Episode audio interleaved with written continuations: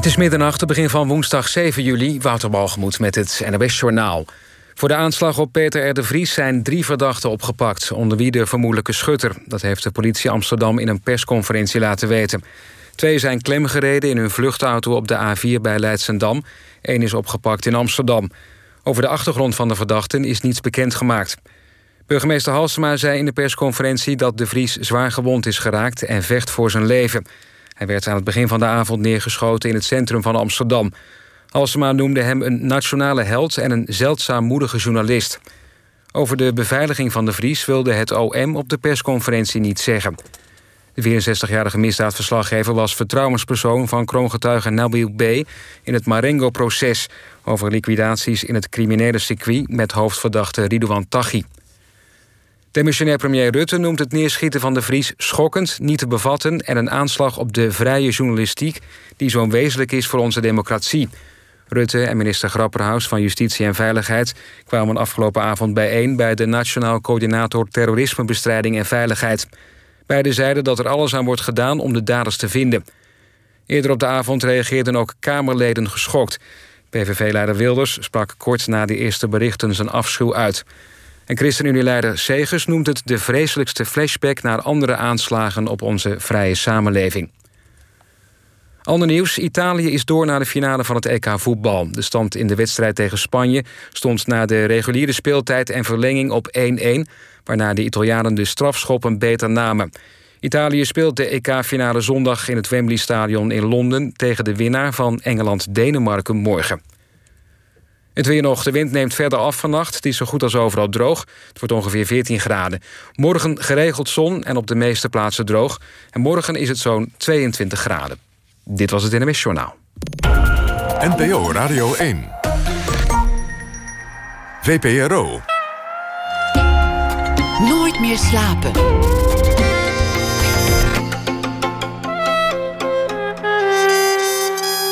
Met Pieter van der Wielen.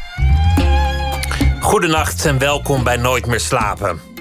Er zijn vele wegen, maar de juiste weg is de weg ertegen. Niet de weg eronder, dat is onderkruiperij. Niet de weg erover, dat is pluimstrijkerij. Maar de weg ertegen, tegen alle wegen in.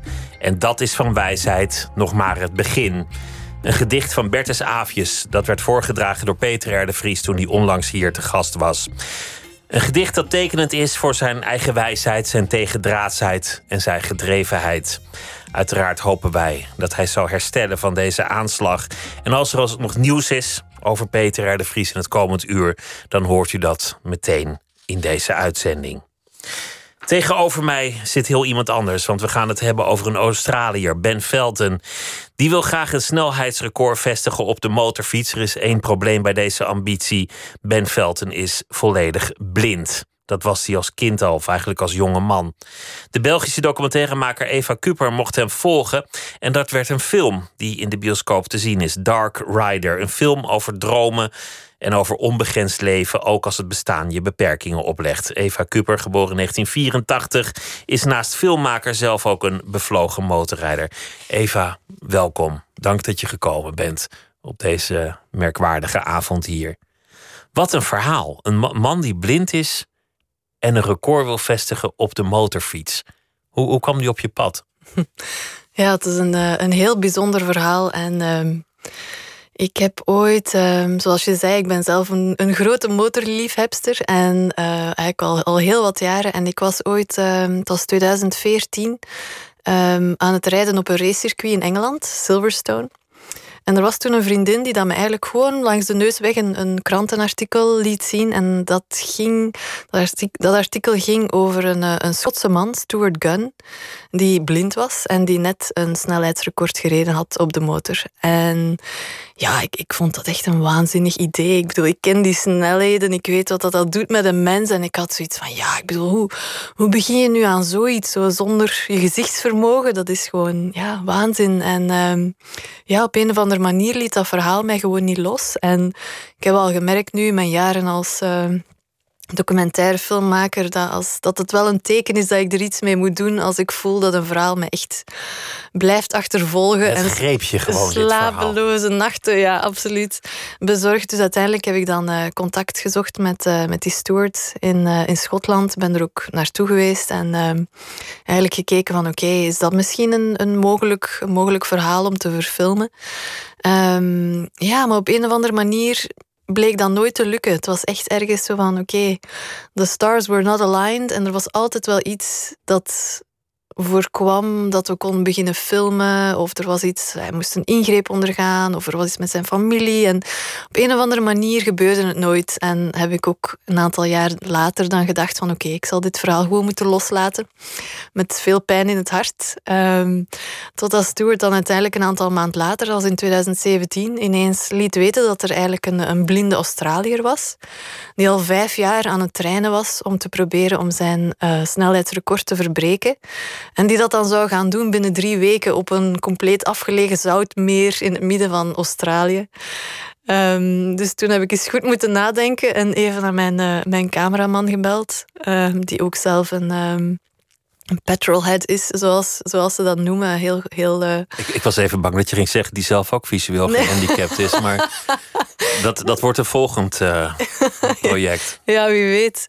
Ja, maar dus die, uh, ja, die zag dat zitten om, om met mij op een heel korte tijd het avontuur te beginnen. En we zijn dus met z'n tweetjes het vliegtuig opgestapt. het risico genomen eigenlijk om daar het andere eind van de wereld Ben te ontmoeten en te kijken van, alright, hoe gaat het hier? En, en is er hier echt een verhaal in? Hebben ze zin om dat samen met ons te doen? En dat bleek het geval te zijn. Dus dan is het echt, uh, echt begonnen met Dark Rider, met Ben. Als ik nou ehm, zeg maar de man was die over het geld ging bij een van de filmfonds en iemand zou met een aanvraag komen en zeggen: Nou, ik heb een film over een blinde motorrijder die een record wil vestigen, zou ik zeggen: Ik ben geïnteresseerd. Ik doe mee. maar tegelijk zou ik ook denken: dit wordt waarschijnlijk een hele korte film en misschien niet een film met een hele gelukkige afloop. Want het mhm. klinkt, als je het voor het eerst hoort, heel absurd. Mhm. Hoe snel werd het normaal voor jou toen je daar was? Hoe, snel dacht je van nee, eigenlijk is het heel gewoon dat een blinde man een snelheidsrecord per motorfiets vestigt? Goh. Ah, dat is een goede vraag. Ik denk niet dat er echt zo'n moment geweest is, eerlijk gezegd. Want ik denk daar op die zoutvlakte, dat is ook een heel, heel intense omgeving. Dat is daar 50 graden warm. Er is geen, niks van voorziening, geen elektriciteit, niks. Is heel veel spanning, want iedereen leeft daar een heel jaar naartoe om daar te kunnen racen tijdens die week. Dus dat is echt zoiets bijzonders om dat mee te maken en die elke keer ja, in dat pak te zien stappen en op die motor. En ja, ik bedoel, hij vraagt dan op een gegeven moment van ja, staan we nu aan de startlijn? En ja, want hij ziet het natuurlijk, dus hij moet echt zo zijn volle vertrouwen leggen in heel, heel zijn omgeving. Ik, ik vond dat eigenlijk altijd heel bijzonder. Ik denk niet dat ik daar ooit echt gewend aan geraakt ben. Ik denk misschien eerder in de montage of zo, toen we dan echt terugkwamen met al het materiaal, dat je uiteindelijk al jaren mee bezig bent en, en goed weet wat er gefilmd is en wat niet, dat je dan oké, ja, Ben is, is blind. Dat is, dat is dan inderdaad wel een gegeven waar dat je mee werkt. Maar ik denk echt op die momenten op de zoutvlakte zelf was dat ongelooflijk bijzonder. Ik heb dat eigenlijk nooit echt, die verwondering daar nooit echt over verloren, denk ik. Ik ging als kijker mee in zijn ambitie. Ja. En, en dat, dat verbaasde mij wel vanuit het vertrekpunt. Iemand van 70 kan zeggen: Ik wil profvoetballer worden. Mhm. Dan zul je tegen hem zeggen: Nou, is dat nou zo'n goed idee? En zo kunnen we allemaal ambities hebben in het leven. waarvan iemand anders zou zeggen: Ja, ja. ik snap dat je het wil, maar je begrijpt zelf ook dat het misschien niet je sterkste plan is. Ja. Deze band zegt: Mijn, mijn aandoening, mijn, mijn blindheid heeft me zoveel afgenomen. Eigenlijk begonnen de problemen toen ik mijn rijbewijs moest inleveren. Want door dat rijbewijs verloor ik mijn baan mhm. en mijn relatie. En hij weet het aan het rijbewijs. Het kwam natuurlijk gewoon door zijn blindheid. Ja. Maar hij wilde terugvechten op de een of andere manier. Hij Mhm. wilde zijn beperking niet onderkennen en heeft dus toch dat plan opgevat. Ja. Wat is het moment geweest in zijn leven dat het serieuzer werd dan dat? Dat hij het echt ging doen. Ehm, ja, ik denk dat hij sowieso ook wel... Ja, enerzijds motoren, dat was echt zijn passie. Dus hij had voordien, toen dat hij blind werd, wel al een aantal... ehm, hij is eigenlijk uit het diepe dal gekropen, zal ik maar zeggen, waar, waar hij in zat. Een zware depressie. Ehm, door eigenlijk terug te beginnen sporten. Eigenlijk door zijn moeder die zei van... Op een gegeven moment... Een Nederlandse trouwens, Jannie, die echt zei van... Oké, kom aan jong, je moet gewoon van de zetel af en je moet iets beginnen doen. En toen is hij heel intens beginnen sporten. En eerst uh, roeien, daarna blind cricket. En effectief ook daar allee, echt top geworden in de Paralympische wereld. Maar uiteindelijk zijn echte, echte passie, zijn echte droom, dat was dat, was dat motorracen. En uh, ik denk toen dat hij echt uh, in 2013 zag dat een andere blinde hem het, het had voorgedaan, zijn de steward, dat hij echt zoiets had van oké. Als hij het kan, dan kan Als ik het hij ook. kan, ja, dan kan ik het ook. En sneller. Ja. en beter en sneller. Ja, absoluut. Hij heeft wel echt wel dat competitieve in zich. Dat is wel zo. En ook, ja, hij gaat ook heel zijn leven lang blijven zoeken naar zo van die uitdagingen. Dat weet ik ook wel. Zo, dat, is, dat is echt, dat ligt zo in zijn aard. Hij is altijd ja, met de next big thing bezig. Zo. Ik, denk dat dat, ik denk dat dat ook heel mooi is, dat hij zichzelf echt blijft uitdagen. Dat, dat hij niet zomaar ehm, op zijn lauren gaat rusten van oké, ik heb misschien al dit of dit behaald, het is wel goed zo. Nee, ik, ik kan nog iets, iets gekkers bedenken. En, en, eh, en het ding is ook is dat het eigenlijk... Want veel mensen denken dan ook als ze eerst het verhaal het eerst horen van ja, die, die mens is gewoon, daar klopt iets niet of zo. Er is echt, is misschien echt wel gek, maar als je hem leert kennen, dan, ik, ik vond dat heel verbazingwekkend om te zien hoe, hoe ongelooflijk tot in alle details alles gepland is, alles uitgekiend is. Wat voor een ongelooflijke codetaal dat hij ontwikkeld heeft met, eh, met Kevin McGee, die dan achter hem aanrijdt op dezelfde motor en hem dan door het, door het donker gidst. Zo, dat, daar komt zoveel voorbereiding en zoveel ehm, toewijding bij kijken. Want dat dat, is hoe het gaat. Hè? Want, want je, je vraagt je misschien af hoe kan je blind op een motor 290 km per uur rijden. Ja. Dat doe je omdat er iemand ook op een motor achter je rijdt. Ja. En je hebt communicatieapparatuur en die zegt ietsje naar links, ietsje naar rechts. nu ga je goed rechtdoor. Ja, En het is een enorme zoutvlakte, wat als grote voordeel biedt dat het niet echt een parcours is. ja. Er is daar echt niets waar je tegenop kan knallen. ja, het is enerzijds wel. Het is anders inderdaad als een gewoon parcours, een circuit, waarbij dat je dan ja, eigenlijk gewoon twee betonnen muren hebt aan de zijkant. Zo, zo erg is het niet. Maar op de zoutvlakten is het wel zo. Ze hebben dan ehm, een soort een piste klaargemaakt. Dus eigenlijk iets egaler gemaakt. ehm, waar dat iedereen kan rijden. Maar als je daarvan afwijkt, dan is het ook wel zo dat je echt heel grote, ja, bijna rotsblokken zout over heel die vlakte gestrooid zijn. Dus dat is ook levensgevaarlijk als je aan een hoge snelheid van, van de piste zou afwijken. Dan kan je ook echt wel heel. ehm, Dus hij moet vooral recht hij moet vooral rijden. recht. Ja, ja, ja. En hoort dus in zijn oortje links, links, rechts, rechts, links. En dan een korte links is een wat radicalere links. En een lang gerekte links is een Ja. flauwe bocht naar links. En zo zijn ze op elkaar ingespeeld geraakt. Ja, heel subtiel. Ja, En dit met duivelse snelheden. ja. Hij zei dat hij toen, toen zijn ziekte begon te vorderen en hij zijn zicht verloor, hij eigenlijk eerst een tijd alleen maar kwaad was. Mm, En, en een soort lam geslagen. mhm. En, en enorm negatief in het leven was komen te staan. ja. Dit is volgens mij zijn manier om het leven weer vorm te geven, om terug te vechten, Ja. om uit die lethargie te komen. Ja, absoluut. En, ook, en dat vind ik ook heel mooi eraan, zo die, ehm, ja, die weerbaarheid die dat hij heeft. En ook zo de manier waarop dat hij eigenlijk ja, toch echt wel vastgeroeste ideeën die, die er zijn in de maatschappij, die mensen hebben over, ander, over mensen met een beperking en wat dat ze wel kunnen en niet kunnen, wat dat er normaal is voor die mensen om te doen of wat niet. Ik vind dat echt wel heel straf dat hij dat zo aan de kaak stelt. Dat hij daar echt ja, lijnrecht tegenin gaat. Het sluit heel mooi aan bij het gedicht ook.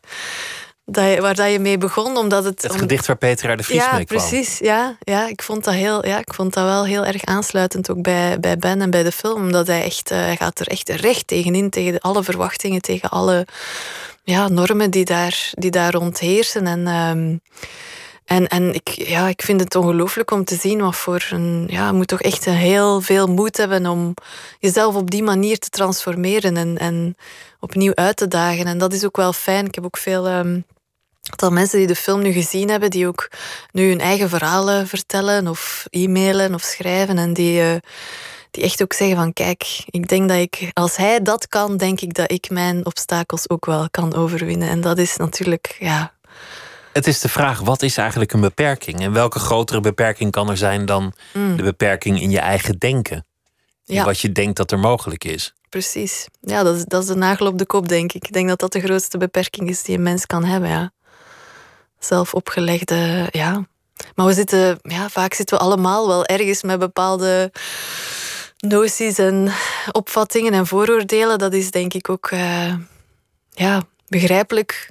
Eh, maar het is ook fijn om die, om die open te breken bij momenten. En dat hoop ik ook wel, dat mensen die naar de film gaan kijken, dat die ook wel ergens eh, meer out of the box ehm, misschien gaan kijken daarna. En ik moet ook zeggen, dat is ook iets wat ik denk wel een beetje een rode lijn is in, eh, in de documentaire films die ik maak, is dat er ergens een... ehm, mensen die heel anders worden bekeken, waar dat ergens een zwaar, soms ook taboe rondhangt en zo, dat...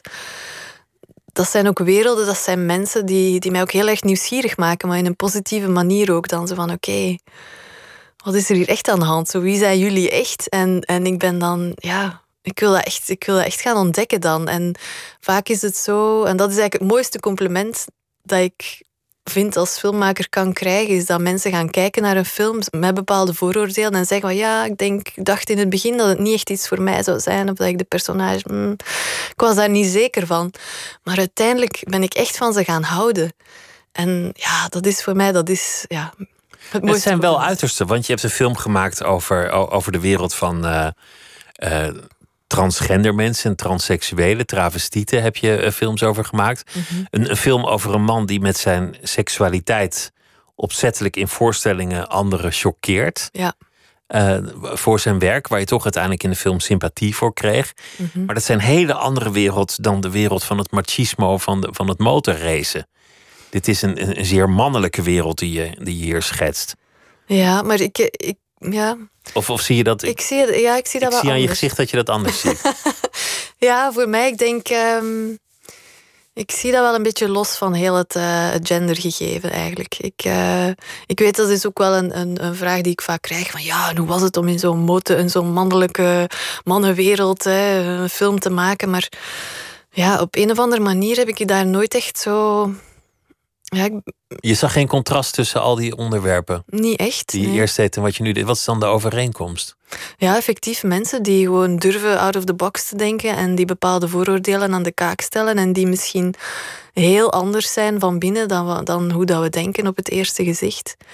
En dat vind ik, ja, dat vind ik ergens ook mooi, omdat je dan iets kan laten zien wat ook universeel menselijk is. En dat, dat hoop ik ook altijd te doen.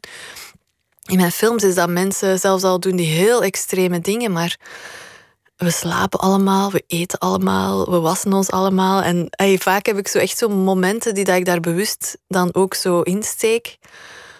Dat ik hoop dat mensen dat ook beseffen van hé, hey, eigenlijk, ja, we lijken wel heel erg verschillend, maar eigenlijk zijn we dat niet.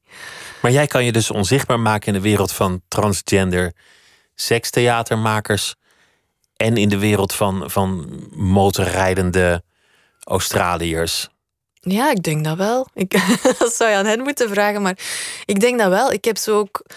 Ja, ik zeg het, ik heb eigenlijk niet echt zo'n heel strikt... eh, dat onderscheid, binaire onderscheid man-vrouw, ik vind dat eigenlijk niet zo belangrijk. Ik heb voor mij persoonlijk is gender meer iets van: oké, we hebben allemaal bepaalde eigenschappen, zowel mannelijke als vrouwelijke. En misschien in bepaalde con- contexten komen de ene meer naar boven dan, dan de andere. Maar ik voel mij daar eigenlijk heel, heel erg mee, heel comfortabel mee in mezelf en heel erg in evenwicht. Dus ik kan voor mijzelf, ik kan met iedereen. eh, connecteren en opschieten. En Ik had de indruk dat het voor een aantal personages in deze film wel heel belangrijk is. Het onderscheid man-vrouw en dan vooral wat mannelijk is. mm, ja, veel. Ja, Je bent op een zeker ogenblik de gast bij een soort inzamelingsactie in een, in een soort ja, café, annex schuur. ja, ja, ja Dat, dat was wel echt een, een eh, sfeer van verschaald bier en opgedroogd zweet. Ja, ja, absoluut. Ja, en dat moet ik ook wel zeggen, want die man die dat je daar dan ziet, dat, die, die heet The Animal. En dat is ook eh, de, heel, ja, de heel onwaarschijnlijke organisator van eh, dat eh, race-evenement op de Zoutvlakte van Speedweek. En eh, dat is dus een man en die, die loopt echt ja, de hele dagen in zijn ondergoed rond. En die, en die komt je wel al eens lastig vallen als vrouw, dat moet ik wel zeggen. Dat, dat, was niet zo, niet zo leuk om altijd met hem te onderhandelen. Maar uiteindelijk ja, was die gast ook wel oké. Maar het is, ja, het is soms wel een beetje een...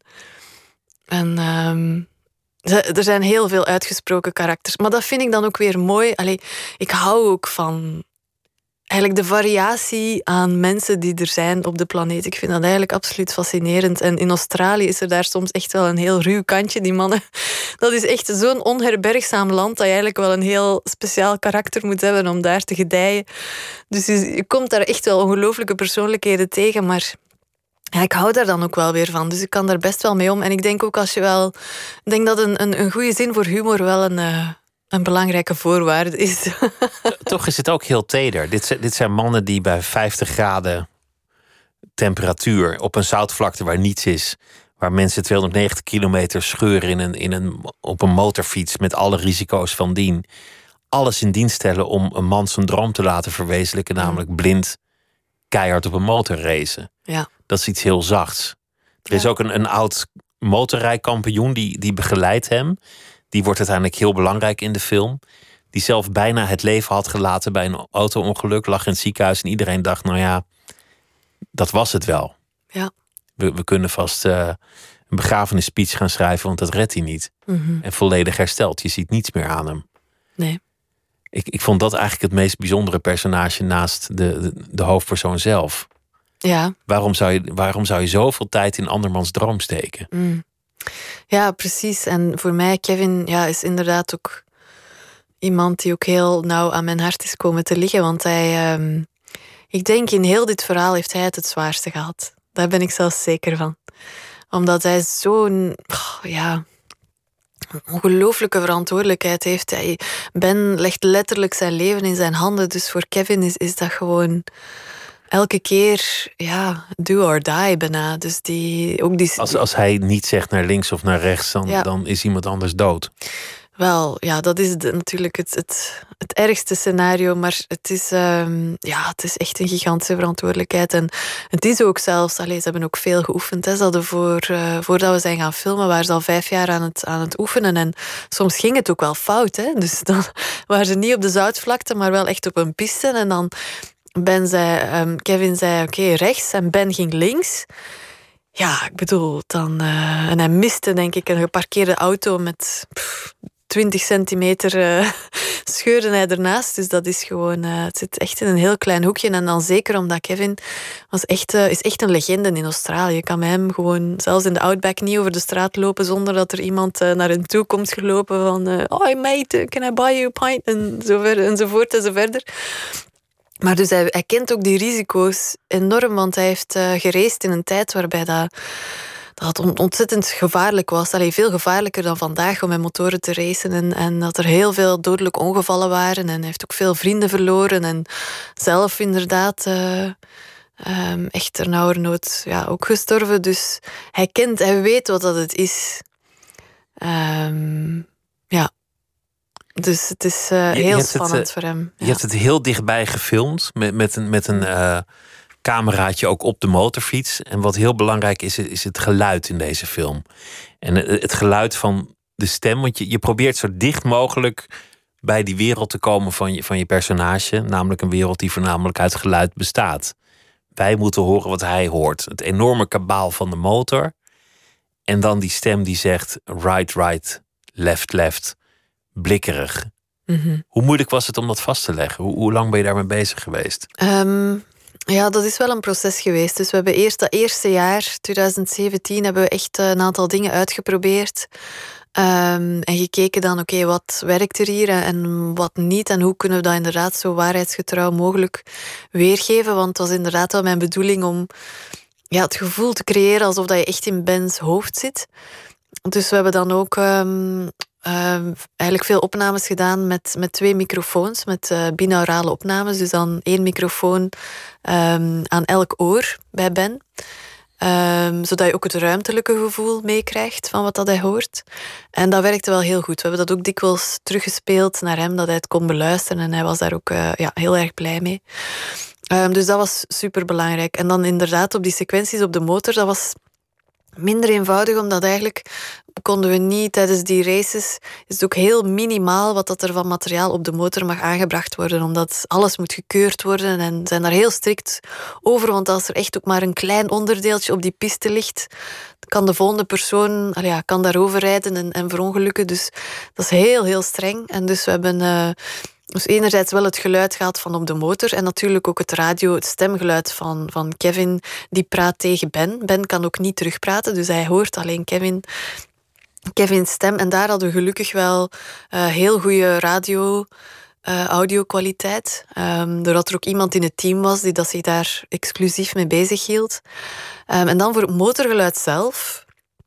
Bijvoorbeeld vond ik dat in sommige scènes dat het eigenlijk een beetje te dun klonk om echt de beleving weer te geven. Dus dan Want eens... jij houdt ook van motors, dus jij wil ook dat het goed klinkt. Ja, ja, ik wil dat het goed klinkt. En allee, ja, het moet ook, echt, moet ook echt juist, het moet ook echt levensecht aanvoelen. Want ik weet dat er ook heel veel mensen gaan kijken die nog nooit op een motor gezeten hebben. En ik wil ook allee, die mensen ook gewoon ergens die ervaring meegeven op, op een bepaalde manier. En, ehm, en dus dan hebben we ook extra geluidsopnames gedaan, eens terug in België, met exact dezelfde motoren waar dat Ben en Kevin mee rijdt. Hetzelfde jaar, hetzelfde uitlaat, alles, um, alles identiek. Um, en daar dan echt uh, met zeven microfoons erop en al ja, echt. Uh... Zo moet het. Kun je het omschrijven, het gevoel van op een motor zitten en heel hard gaan? Ja. Wat, wat was de eerste keer dat jij op een motorfiets zat, dat je, dat je weet? Mm, ja, ik heb er eigenlijk een heel heldere herinnering aan. Want ik heb eigenlijk zelf in de familie is er ook niemand die echt met de motor rijdt of zo. Dus het is niet dat ik dat echt met de paplepel heb uh, meegekregen. Maar um, toen ik um, denk ik een jaar of zes, zeven was, um, had mijn oudere broer een aantal vrienden uh, die langskwamen. En, en het was een, een heel warme zomeravond. En ik, uh, ik, ging bijna, ik moest bijna gaan slapen. Dus ik liep daar nog rond in mijn pyjama tussen die vrienden. Ik vond dat geweldig.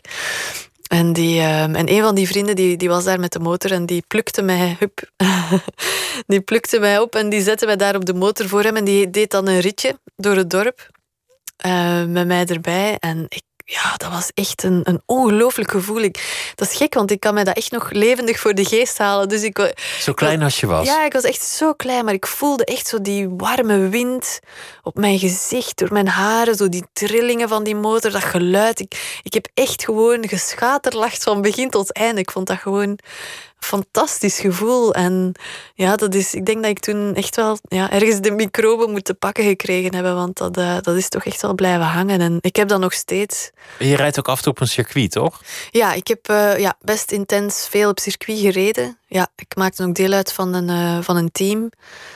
Um, niet echt om professioneel te racen, maar die, wij organiseerden ook uh, track days voor mensen. En dat was echt ook onder begeleiding van een uh, dubbele wereldkampioen Australiër, Troy Corser, was ook heel leuk. En dan reden we eigenlijk zo ja, op alle grootste circuits in Europa. Um, zaten we elk weekend wel ergens anders. Dus dat was wel een heel uh, ja, geweldige ervaring. Ik heb daar uh, ook heel erg van genoten. Ook wel eng bij momenten, maar... Uh... wat, wat start dat je ooit, dat je ooit gereden um, ja, ik denk 200... Ah, is nu 75 of 280, zoiets. Ja, dat was in uh, Spa-Francorchamps in België. Op de, het achterste rechte stuk. En toen ja, reed ik zo snel dat ik eigenlijk echt voelde dat de helm, het vizier, drukte gewoon mijn wimpers plat. Dus dat was wel redelijk wat weerstand. Maar, uh, Ongeveer ja. de snelheid die, uh, die in de film blind, geblinddoekt wordt gereden. Ja, ja, klopt. En ik ben ook heel blij dat ik dat gevoel ook ken van die snelheid. Want dat is toch wel iets heel bijzonders. Ja. En ik hoop dat ik dat ook wel voor een stuk kan uh, vertalen naar beeld in Dark Rider. Ik denk dat dat wel gelukt is. We praten zo uh, verder uh, in Nooit meer slapen met uh, filmmaker Eva Kuper. Maar het is ook een nacht dat Nederland nog trilt op de benen van wat er vanavond in Amsterdam is gebeurd. En het laatste nieuws, dat zullen we nu ongetwijfeld krijgen van Wouter Walgemoed. NPO Radio 1. NOS-journaal. Peter R. de Vries vecht op dit moment voor zijn leven. Dat zei de Amsterdamse burgemeester Halsema aan het einde van de avond... in een persconferentie over de aanslag op de misdaadjournalist. Ze noemde hem een nationale held en een zeldzaam moedige journalist. In de persconferentie zei de politie dat er nu drie verdachten zijn opgepakt... onder wie de vermoedelijke schutter... die hem aan het begin van de avond van dichtbij neerschoot... in het centrum van Amsterdam. Over de achtergrond van de verdachten is niets bekend gemaakt. Demissionair premier Rutte spreekt van een aanslag op de vrije journalistiek... die zo wezenlijk is voor onze democratie. Hij overlegde afgelopen avond samen met minister Grapperhaus... bij de Nationaal Coördinator Terrorismebestrijding en Veiligheid. Grapperhaus wilde niet ingaan op vragen over de beveiliging van de Vries. En koning Willem-Alexander en koningin Maxima laten ook weten... dat ze diep geschokt zijn door het bericht dat de Vries is neergeschoten. Journalisten moeten onbedreigd en vrij hun belangrijke werk kunnen doen... schrijft het koninklijk paar op sociale media.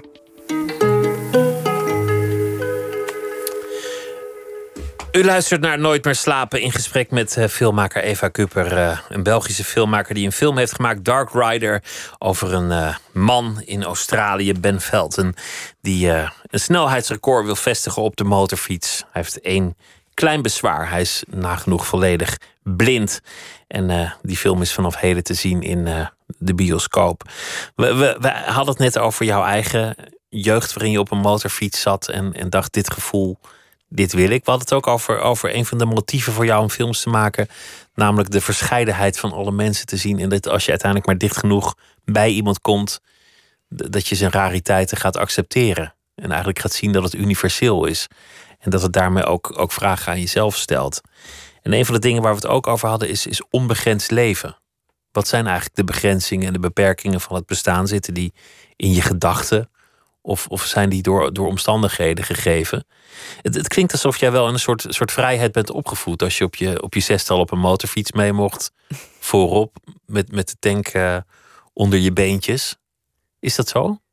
Ja, dat klopt wel, denk ik. Ik heb echt... Um, ja, toch wel een, een, denk ik, een bijzonder, uh, een bijzonder leven al gehad. Het voelt soms alsof dat ik al 15 levens heb gehad. En zo oud ben ik nu toch nog niet.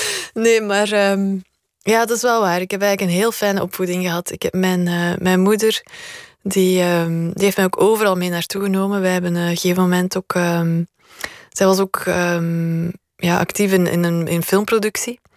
maar dan eigenlijk vooral in Hollywood. Dus als ik uh, eigenlijk, ja, denk ook, dat was ook rond diezelfde leeftijd, zes, zeven jaar oud was, dan woonden wij bijna de helft van het jaar in, in Amerika. En dan af en toe ging ik nog naar school in België. Dat was allemaal niet zo strikt toen, maar dat was ja, zo'n ongelooflijk fijne tijd. Want dan heb ik echt uh, ja, toch best heel wat meegemaakt en gezien. En uh, ik herinner mij bijvoorbeeld ook uh, wat dat diversiteit aangaat.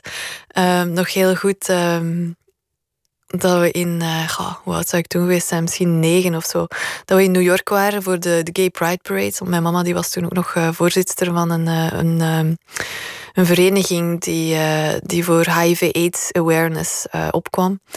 En dat ik toen gewoon met heel, een hele zotte bende en ja, effectief en travestieten en alle mogelijke variaties van de identiteiten en karakters, dat wij heel Fifth Avenue hebben afgelopen. En ik ook, met een t-shirt van I'm happy, I'm out. Ik had geen flauw idee wat dat betekende. Je moest het allemaal nog uitzoeken, maar je was alvast Ja, maar ik was, Wel, ja, ik was al wel out in the world. Ja, en, en ja, dat was echt wel heerlijk. Mijn moeder die nam mij ook mee naar ja, alle, alle musea en tentoonstellingen en, en ballet. En ah, ik heb eigenlijk op een heel andere manier um, ja, ben ik eigenlijk mijn jonge leven begonnen dan dat je misschien ja, en dat je uiteindelijk zelf in de film bent komen te werken, dat, dat lijkt me dan ook wel daarvan afkomstig. Ja, ik denk dat ook wel. Ja, alhoewel dat ik het een, een tijd lang wel een beetje heb um, ontkend.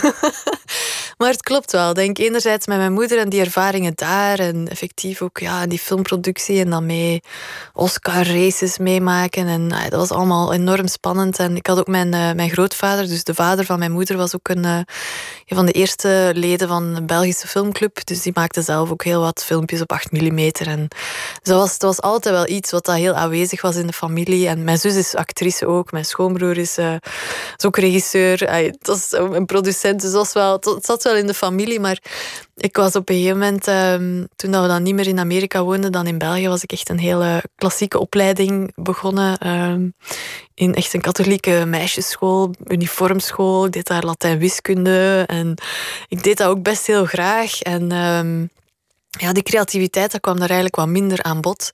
En dat was ook altijd wel van oké, okay, ging men ervan uit van goed, als je een beetje een goed stel hersenen hebt, hierna ga je dan ergens een ingenieurstudie of uh, iets medisch gaan doen of misschien uh, rechten of weet ik veel wat. Dus toen was dat wel een beetje naar de achtergrond verdwenen voor mij, maar um, it came back with a vengeance. maar de, de, de hoofdpersoon van, van een van je eerdere films waar we het net over hadden, de, de trans showmaker die eigenlijk mensen probeert te chockeren met allerlei vormen van seksualiteit. Mm. En, en dat gaat dan best wel ver. Hij, probeert elke, elke vorm van nou ja, seks waardoor je gechoqueerd zou kunnen raken, mensen om de oren te slaan om het zo weer te normaliseren. Maar die kende jij eigenlijk al? Ja, die kende ik al. Dat was eigenlijk ook een van um, ja, die mensen dat wij kenden in New York. Dat was heel grappig. Dat was eigenlijk een, een, Joodse getrouwde bakker op dat moment.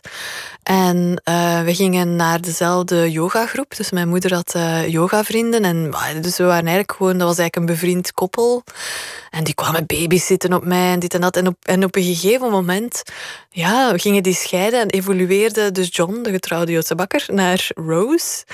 En een, een, ja, een heel andere persoonlijkheid. En, en die zich inderdaad eh, op heel andere manieren kleden en uiten. En dat was, en op een gegeven moment, dat was denk ik voor een verjaardagsfeestje van een gemeenschappelijke vriend, kwam die daar een, een ongelooflijk, ja, een, een, een soort een, een, een cabaretnummer brengen.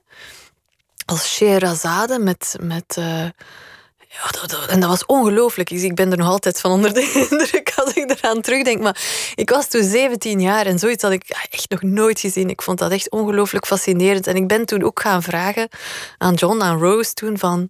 Wil jij ooit samen iets met mij doen? En toen zei hij van, uh, ja, of course. En dan, jaren later, toen ik dan filmschool ben beginnen doen... dan wilde ik eigenlijk al vanaf het eerste jaar naar New York en, uh, en een film gaan maken. Maar dan maar wat hij tegen die tijd deed, was wel wat, wat, wat radicaler dan wat je vroeger gezien had. Ja, ja, ja. Tegen dan was dat echt, uh, was hij echt wel enorm geëvolueerd. En was hij echt uh, een zelfverklaarde gender terrorist geworden. Dus hij terroriseerde mensen eerder dan. Uh... Wat, wat, deed hij dan voor dingen als hij op het podium stond? Oh, um, goh. Ik denk alle dingen die mensen als onfatsoenlijk zouden noemen. Dus ja, ik bedoel, hij spuwt op mensen. Hij, allee, hij doet alsof dat hij een, uh, een condoom uh, leegmaakt op het hoofd van mensen. Daar zit natuurlijk ook kokosnootshampoo in of zoiets. Uh, ja, hij doet echt wel heel extreme dingen ook met, ja, met zijn lichaam. Dat je waarschijnlijk eens gaat moeten, moeten bekennen, films gaat moeten bekijken. Maar ik, had, ik moet zeggen dat dat toen wel um, ook best wel zwaar was. Want ik was natuurlijk ja, een prille twintiger. En ik had al dus wel wat gezien van de wereld, maar zoiets echt nog nooit. En ik moet zeggen dat ik daar echt ook soms zwaar van gechoqueerd was. Dat ik echt soms zelfs kwaad was van... Oh, dat gaat zo voorbij ja, mijn eigen persoonlijke grens. Um, ik had daar soms echt wel moeite mee. Maar op het einde van de dag, als ik dan gewoon keek naar die persoon en die wandelde de kamer in, dan het enige wat uiteindelijk toen overbleef, overbleef was echt ja, die liefde voor die persoon. Ik, ik zag die echt enorm, enorm graag. En ik heb toen ook wel besloten om in de film um, ook wel die integriteit te proberen bewaren. Van ik ga niks in de film zetten van scènes die dat ik zelf ook niet aan zou kunnen. Dus ondanks dat het je eigenlijk boven je begrip ging af en toe, dacht je, ik, ik wil hem sympathiek over laten komen. Ik wil mm, ja, dan nu medeplichtig zijn. Nou, dan nu niet meteen. Ik heb nooit echt het gevoel dat ik iemand sympathiek moet over laten komen, maar ik denk, ik denk ook niet dat je dat kan faken, zoiets. Ik denk oftewel, zie je iemand graag en is het echt? Maar ik kan niet doen alsof dat ik, Dan zou ik de film niet meer hebben kunnen maken. Want op dat punt was ik op een gegeven moment wel gekomen van... Oké, ik ben zo kapot van die dingen dat hij doet. Ik denk niet dat ik nog die film ga kunnen maken. Gewoon omdat ik... Dat is gewoon te ver voor mij. En dan was dat moment daar dat hij terug binnenwandelde. En dat ik uiteindelijk... Dat ik echt gewoon alleen maar... ja, hem graag zag. En, en, en dat de liefde dan overnam. Dacht ik van, alright nu kan ik de film verder maken. Want zonder die liefde gaat het eigenlijk niet voor mij. Je zei aan het begin dat, dat een verhaal je kan grijpen en dat je het niet meer kan loslaten. En dat die film dan ook gemaakt moet worden. Mm. Dat, dat is een mooie manier van werken. Dat, dat je echt alleen maar dingen doet waar je ten volste achter staat of die, die je op de een of andere manier passioneren. Het is niet iedereen gegeven om zo te werken. Nee, Mensen hebben ook rekeningen, je moet huur betalen en je hebt fondsen. En af en toe moet je gewoon een schnabbeltje hebben. Ja, dat is waar. Hoe doe je dat? Wel, um, ik denk dat ik echt wel een beetje. Um, ik ben daar best wel voorzichtig mee, omdat ik zo, ik zie ook wel, uh, en ik denk voor sommige mensen zal dat, zal dat wel goed werken, denk ik. Zo enerzijds hun passieprojecten doen en anderzijds um, commerciële... Een koe om te melken en een koe om te aaien en een ja. koe om te slachten. Ja, precies. Maar ik denk, voor mij werkt dat niet zo goed. Ik denk dat ik echt wel... Uh, en ik probeer dat dan ook echt te doen om mijn energie op te sparen, mijn buskruid op te sparen voor echt de projecten, zoals dat je zegt, die dat mij aangrijpen en niet loslaten en waarvan ik echt voel van oké, okay, ik, ik moet die vertellen. Um, en Want dan, al je personages leven ook zo. Mm, ja. Lijkt het. Althans, die films gaan over mensen die zeer gedreven zijn om dat ene ding te ja. doen. Ja, dat is waar. Dat klopt. Misschien, ja. Misschien trekken we elkaar op die manier aan. ik weet het niet, maar... Maar het is wel zo. En ik probeer eigenlijk zo dat creatieve luik te scheiden van... Ja, dan andere dingen die dat ik doe. En, uh, en op die manier mijn leven op te bouwen. En dat is zeker niet altijd gemakkelijk. Dat is een feit. Uh, maar ja, ik, ik, probeer dat echt wel te doen, omdat ik dan ook voel van oké, dat ik mij creatief daar 100% in kan investeren. En dat ik ook heel uh, fris, heel alert blijf voor wat dat er gebeurt. Dat ik eigenlijk nooit afgemat of uitgeput of gedesillusioneerd geraak. Omdat het sowieso, het is sowieso moeilijk om een film te maken. Je komt gewoon zoveel obstakels tegen. Het duurt zo lang. Zoveel onverwachte dingen die op je pad komen, dat het eigenlijk. Uh, ja, dat je eigenlijk echt wel uh, heel gefocust moet kunnen zijn. En, en wat, wat, zou er gebeuren als je een wasmiddelreclame zou maken? Of, um, of iets anders waar je, waar je niet, niet enorme voeling mee hebt? Goh. Ja. Ik, ik kan het niet. het is heel hypothetisch, want ik heb het dus nog niet gedaan. Maar ja, ik, ik, ja, ik hoop dat ik dan gewoon zo niet de, ja, zo echt die liefde zo die zou verliezen voor, voor hetgene wat ik echt graag doe. Ik, ik, ik hou van mensen. Allee, ik hou ook wel van wasmiddelen. Ze maken mijn kleren schoon. Maar ik ben echt een, een people person. Ik ben echt een, ah ja, denk ik, een documentaire filmmaker. Ik, uh, ik word verliefd op mensen en niet op, uh, op wasmiddel. Ja, het, het, zijn risico's. Dat, dat je, je je passie kan verliezen. Dat je ja. je alertheid, noem je net al. Je maar scherpte ja. kan eraf gaan. Je kan indutten. Je kan jezelf vermoeien. Ja. Je kan jezelf de grond indraaien. We hadden het over beperkingen. Omdat dat het ging over een, een blinde motorrijder. Mm -hmm. dat, is, dat is eigenlijk een gezondheidscrisis. Het was, het was bij hem, geloof ik, deels aangeboren en deels een ongeval dat zorgde dat het aan het licht kwam. Ja. Wat heb je zelf voor ervaringen met, met ziekte en beperking? Um, goh, in mijn directe omgeving wel, ja, wel een aantal. En um, het is denk ook daar dat mijn grootste connectie tot dit verhaal uh, zich bevindt. En dat is dat dus mijn, mijn oudste broer. Wat ik er net uh, nog, over, nog over had. Dat hij op zijn, uh, toen dat hij 23 was, heeft hij een heel zwaar arbeidsongeval gehad. Um, en sindsdien... Wat, wat gebeurde er dan? Ja, goh, het, is, het, is, ja, het is heel ja, gruwelijk eigenlijk. Het is niet anders te zeggen. Maar hij had heel lang haar. En hij werkte bij een, um, een, uh, een drukkerij, een zeefdrukkerij. En hij was op een avond was hij de drukpersen aan het, uh, aan het reinigen. En hij is toen met zijn haar in zo'n drukpers terechtgekomen. En dus eigenlijk zijn... Ja, die trok dus echt ja, zijn hoofdhuid eraf. En dus ook bijna, bijna zijn ogen, gelukkig niet. Maar dus ook een stuk oor. Dus hij is... Heel zijn hoofd was ja, verminkt uiteindelijk. Um, en dat, ja, dat was gewoon, denk ik, ja, van de verschrikkelijkste dingen die een mens kan overkomen. Ook enorm, enorm pijnlijk. Hij heeft echt uh, tien jaar lang uh, heel intensief behandeld moeten worden en uh, heel veel operaties gehad. En was net als ook Ben zei, heel kwaad geworden en heel, uh, door een heel diep dal gegaan. En ik was toen nog wel heel jong, ik was toen elf jaar. Um, maar dat heeft een heel diepe indruk nagelaten, uiteraard, op, op, ook op ons gezin. En uh, in de eerste plaats op hem natuurlijk. Hè, want dat is voor de rest iets wat hij meedraagt voor de rest van zijn leven. En, uh, want, want het is nog altijd zichtbaar. Ja, het is, uh, hij draagt nu een pruik. Um, maar heel zijn voorhoofd is eigenlijk één litteken. En um, dus ja, ik denk, mensen, mensen kijken wel naar hem. Zoals hij over straat loopt overdag, dan het valt soms wel op. Allee, het is goed gedaan, zijn pruik en zo. Dat, dat, dat werkt wel goed, het is mooi gedaan. Maar je ziet wel dat er iets niet helemaal klopt. En ehm, ja, dat is wel heel pijnlijk voor hem ook. En, uh, en heel bepalend voor zijn, voor zijn leven ja. dus. Ja, ik denk dat zijn leven is echt helemaal anders geworden dan uh, dat hij zich had voorgesteld. En uiteindelijk is hij het nachtleven ingegaan. Dus eigenlijk uh, DJ geworden, omdat hij ook voelde van...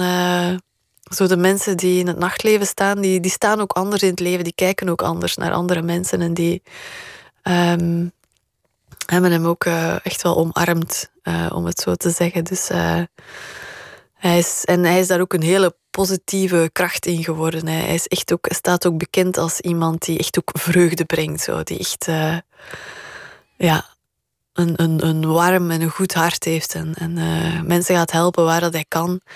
Um, maar dus dat is iets wat uiteraard ja, effectief op mij als zus en ook mijn andere zus, on, eigenlijk heel ons gezin, een grote stempel heeft gedrukt. En, um, en dus de film is ook niet toevallig aan hem opgedragen, want het is... Uh, met heel veel ja, bewondering en de parallellen die ik ook zie van hoe dat hij zichzelf um, getransformeerd heeft en uitgedaagd heeft en eigenlijk heruitgevonden. En, uh, en die kracht, die moed, die weerbaarheid die dat daarvoor nodig is, dat is.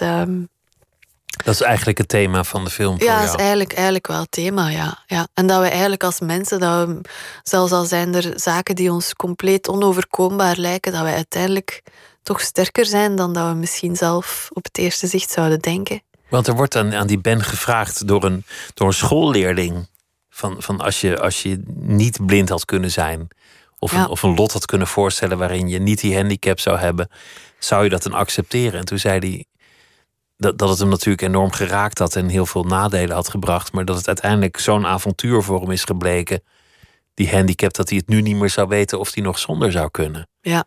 Dat vond ik een opmerkelijke uitspraak. Ik ook. dat had ik ook niet verwacht. Ja, dat vond ik ook wel heel sterk. Ja, ik dacht ook van wauw.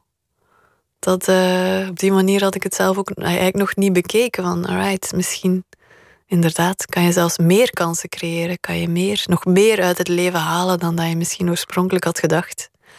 Op die manier. En dat is, ja, denk zeker dan voor die jongen, want dus die. Uh, dat is um, Jet, derde hoofdpersonage in de film, die dat eigenlijk um, ook met een, een gelijkaardige oogaandoening uh, worstelt. En, en ja, hij is, is 13 jaar, hij wordt 14 jaar, hij is gewoon uh, ja, op zo'n kantelmoment in zijn leven en aan het uitzoeken van wie of wat hij wil gaan worden, dat dat echt een, een, een, ja, een heel grote bijna ook iets onoverkomelijks lijkt voor hem om, om zich een toekomst voor te stellen. En ik denk om dat te horen van iemand die dat dezelfde weg heeft afgelegd, dat dat echt uh, heel belangrijk is geweest voor hem. En die jongen die wil dan weer rodeo-rijder worden ja. met zijn visuele handicap. Ja, ja en dat is, daar, uh, ja, dat was ongelooflijk, want dat was ook heel um, ja, normaal en niet normaal. Maar bijvoorbeeld hoe dat zijn familie daarmee omgaat, zijn moeder.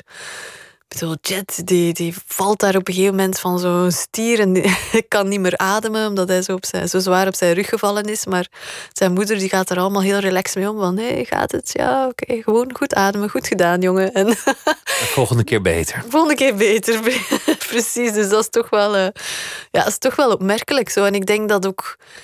Maar ik denk dat dat ergens ook heel, um, heel goed is. Want ik denk dat dat ook een van de moeilijkste dingen is...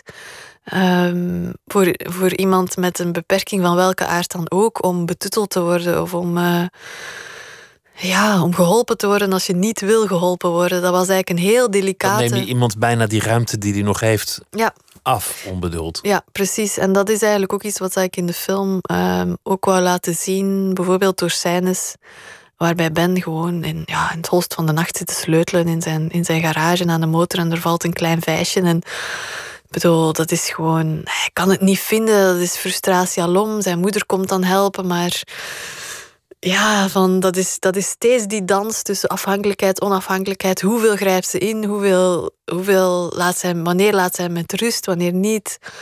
Dat is echt iets um, wat op dagelijkse basis gewoon ja, continu voorkomt. Dat is echt, uh, is echt niet gemakkelijk voor, voor niemand niet in die situatie, denk ik. Dus dat is wel uh, mooi om dat te observeren ook zo. Van oké, hoe gaan zij daarmee om? En waar zijn de grenzen? Wanneer laten ze hem doen? Want uiteindelijk dat vijsje dat gevallen was in de film is dat één korte scène. Maar uiteindelijk in realiteit was dat drie op één volgende dagen. Dus dat er dan ah, dat Ben zijn vrouw erbij kwam, dat er een vriend bij kwam, dat, ze dan, ja, dat het drie dagen lang heeft geduurd en uiteindelijk heeft Ben het toch niet zelf kunnen doen. En dat was echt moeilijk. Maar tegelijkertijd, die man die stapt dan ook gewoon, ja, een tijdje later gewoon in zijn motorpak. En, en die rijdt dan ja, meer dan 250 km per uur. Dat is gewoon dan, dan is hij ineens, ja, echt wie dat hij voelt dat hij zelf is. Dat is, dat is, dat is zo'n mooi moment om te observeren altijd. Als Ben op die motor stapt, dan hij versmelt er bijna mee. En hij is gewoon, hij staat helemaal in zijn, in zijn kracht, in wie dat hij is. Hij weet wat dat hij doet. Hij is zo comfortabel. En zelfverzekerd en, en trots en, en al dat soort dingen. en, niet meer afhankelijk van anderen. Hoewel in zekere zin wel natuurlijk, omdat iemand in zijn oor zegt ja, hoe die moet rijden. Mm. Natuurlijk. Als, als het over gezondheid gaat, dat is ook een, een thema op een andere manier. Omdat je, dat je zelf een soort mysterieuze ziekte hebt gehad op, op een zeker punt. Ehm, ja, ik heb eigenlijk net als, denk wel veel, veel mensen um, deze tijden een, een, een, eigenlijk een, chronische, een chronische ziekte gehad. Uh, waarbij dat ze eigenlijk niet echt, medisch gezien, er niet echt uh, een naam op konden plakken, een label op konden plakken. Maar ik had um, ja, van alles en nog wat. Maar uh, ook bijvoorbeeld um, koorts voor acht, negen maanden lang. Negen maanden koorts? Ja. Onafgebroken? Ja, ja. ja. En dus uiteindelijk ja, gewoon helemaal uitgeput. Hè. Dan is je lijf echt wel op. En um, ja, dat was een flinke uitdaging. Want dus uiteindelijk medisch gezien was er niet meteen een antwoord. Dus dan um, ben ik uiteindelijk ja, zelf beginnen op zoek te gaan en zelf beginnen. dacht van ja, kijk, ik heb niks te verliezen. Dus ik ga de factoren die ik zelf in de hand heb, en zijn er dus ja, voeding en beweging en uh, levensstijl, die dingen, die ga ik gewoon uh, onderzoeken en, en mee experimenteren om te zien of dat er iets kan helpen. En dat heeft toen effectief een, uh, een ongelooflijk verschil gemaakt. Dus op één jaar tijd was ik bijna van alles, van alles vanaf. En dat was ook beginnende kanker. Dat was een hele waslijst aan, aan, dus, dus je, je lichaam was op hol geslagen en, en de dokter zei: ja, we weten eigenlijk niet wat het is. Nee. En, Succes. En, en, toen moest je zelf dat uitzoeken. Ja, toen ben ik dat gewoon zelf beginnen doen. Want ik wou eigenlijk op die manier... Ja, ik had geen energie, energie om, om niks te doen. Ik had al die, al die passie. Maar ja, als je, niks, als je lijf niet mee wil, dan uh, kan je er niet veel mee gaan doen natuurlijk. En ik zag dat niet zitten om... Uh, om uh, ja, zo mijn leven te slijten. Dus ik wilde echt wel alles proberen om te kijken of dat er iets kon, uh, kon aan gedaan worden. En dat bleek dus ook zo echt het geval te zijn. En dus toen dat ik een jaar later bij de arts terugkwam en die me helemaal weer binnenste buiten had gekeerd met allerlei tests, dan uh, zei, waren die echt stom verbaasd. Die zeiden echt van oké, op basis van die test zit er hier gewoon een compleet andere persoon voor mij dan een jaar geleden. Dus um, wat dat je ook aan het doen bent, uh, blijven doorgaan. En uh, ja, dat heb ik gedaan. En wat, wat was dat dan voor zelf uitgezochte therapie? Oh, het was eigenlijk een combinatie van uh, een hoop uh, voedingsintoleranties en allergieën, die dat echt uh, voor ontstekingen, eigenlijk een continue ontsteking in mijn lichaam zorgden. En dus eigenlijk mijn voeding aanpakken, dat was echt een heel grote, een heel grote ehm, puzzel, stuk van de puzzel. En dus dan kon ik eigenlijk gewoon mijn systeem terug tot, tot rust brengen. En, uh, en ook ja, niet te snel grijpen naar dingen zoals antibiotica. En uh, zo van die beetje quick fix oplossingen, maar echt uh, te proberen om naar de kern van de zaak te komen en te kijken van oké, waarom is het hier nu fout gelopen en wat kan ik hier nu aan doen? En we hebben eigenlijk ook meer tools zelf in handen dan dat we zelf dan dat we misschien beseffen. Dus het is ook echt zo van ja, eten kan, kan het beste medicijn zijn of of uh, The Worst Poison. Daar, daar is waarheid van in. En uh, voilà, dat heb ik echt wel ontdekt. Heeft het veel veranderd aan je leven, die fase? Um, ja, best wel. Ja, dat heeft eigenlijk ook mijn. Um, ik had ook echt wel een, een fascinatie voor de medische wereld. Um, dat was ook eigenlijk mijn eerste studie die ik begonnen ben, was biomedische wetenschappen, omdat ik ook dacht van dus inderdaad de medische kant uit te gaan en misschien inderdaad ook arts te worden. Um, en dat heeft dat eigenlijk terug ja, dat vuurtje terug aangestoken, zal ik maar zeggen. En uh, ik ben toen ook terug gaan studeren. Um, aan de Academie voor Natuurlijke Geneeskunde. Om uh, dus ook meer te weten over uh, voeding en gezondheid en de relatie daarmee. En ook met de gedachte van oké, misschien kan ik dan ook wel andere mensen daarmee helpen. Um, dat er dan effectief ook veel mensen kwamen vragen en vrienden van hé, hey, maar wat heb je gedaan? En ik heb dit en dat. En zou je me misschien kunnen helpen? Maar ik dacht van ja ja, ik zou dat eigenlijk wel heel fijn vinden om mensen te helpen, maar dan moet het wel goed gefundeerd zijn of zo. Dan wil ik echt uh, niet zomaar uit eigen ervaring, maar ook echt wel. Uh... Niet dat je jezelf bedachte kruidenvrouw wordt. Nee, nee, ik wil dan echt, echt wel studeren. En ik ben, uh, ja, dat is ook momenteel een beetje uit de hand gelopen misschien. Maar ik ben nu ook met nog nieuwe en diepere, veel diepere studies begonnen. Um, klinische psychoneuroimmunologie. Um, ja, komt uit Nederland trouwens. Zeker uh, dokter Leo Pruimboom um, in het leven geroepen, al heel wat jaren geleden.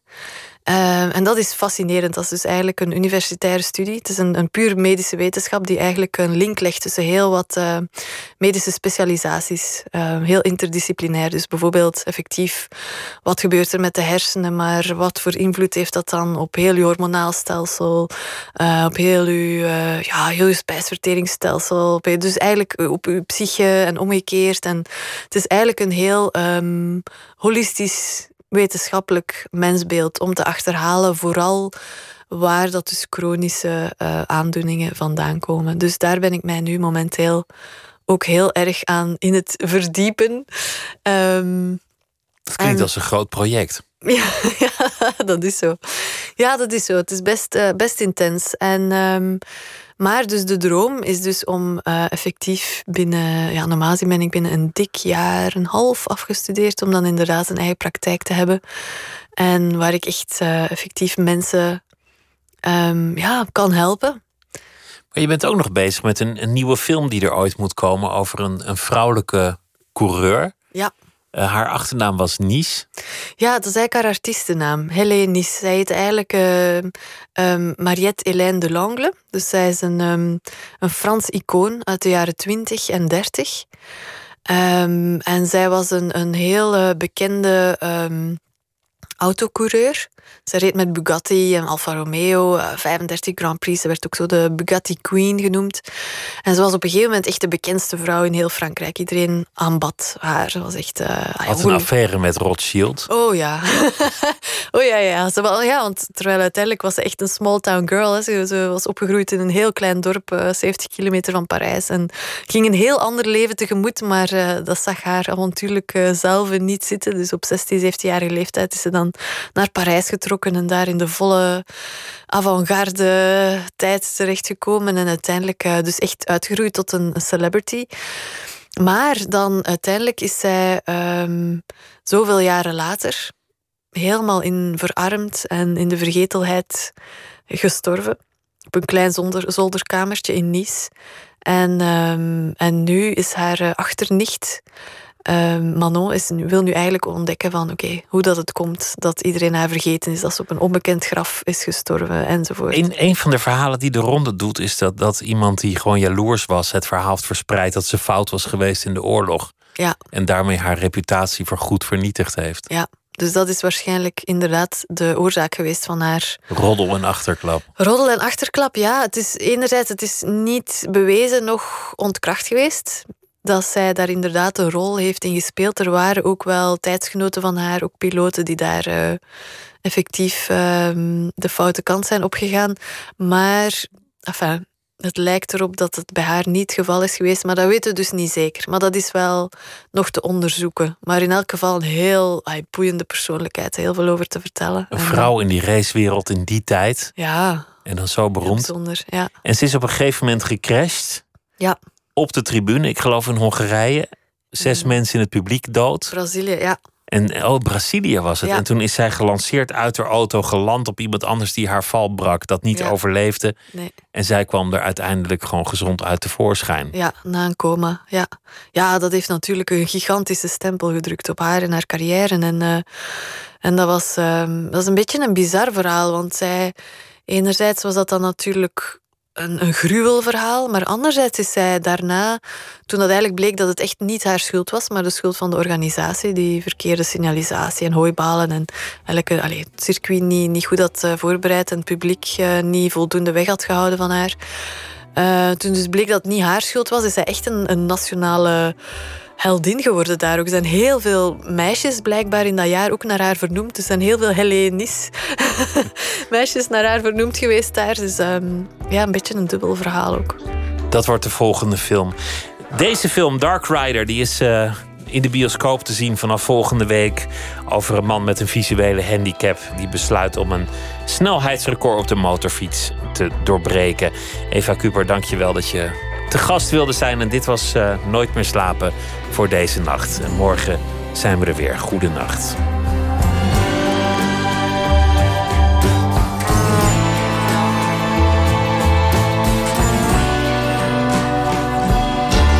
Op Radio 1, het nieuws van alle kanten.